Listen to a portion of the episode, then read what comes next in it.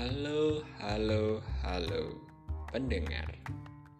Terima kasih sudah mau berkunjung di podcast Dua Sisi Mata Uang. Terima kasih atas dukungannya sudah mau mendengarkan. Sebelum ke episode-episode yang lebih serius, saya akan memperkenalkan diri siapa sih yang akan mengisi podcast di Dua Sisi Mata Uang ini. Perkenalkan saya Ditya dari Surakarta, salah satu mahasiswa Universitas di Surakarta juga.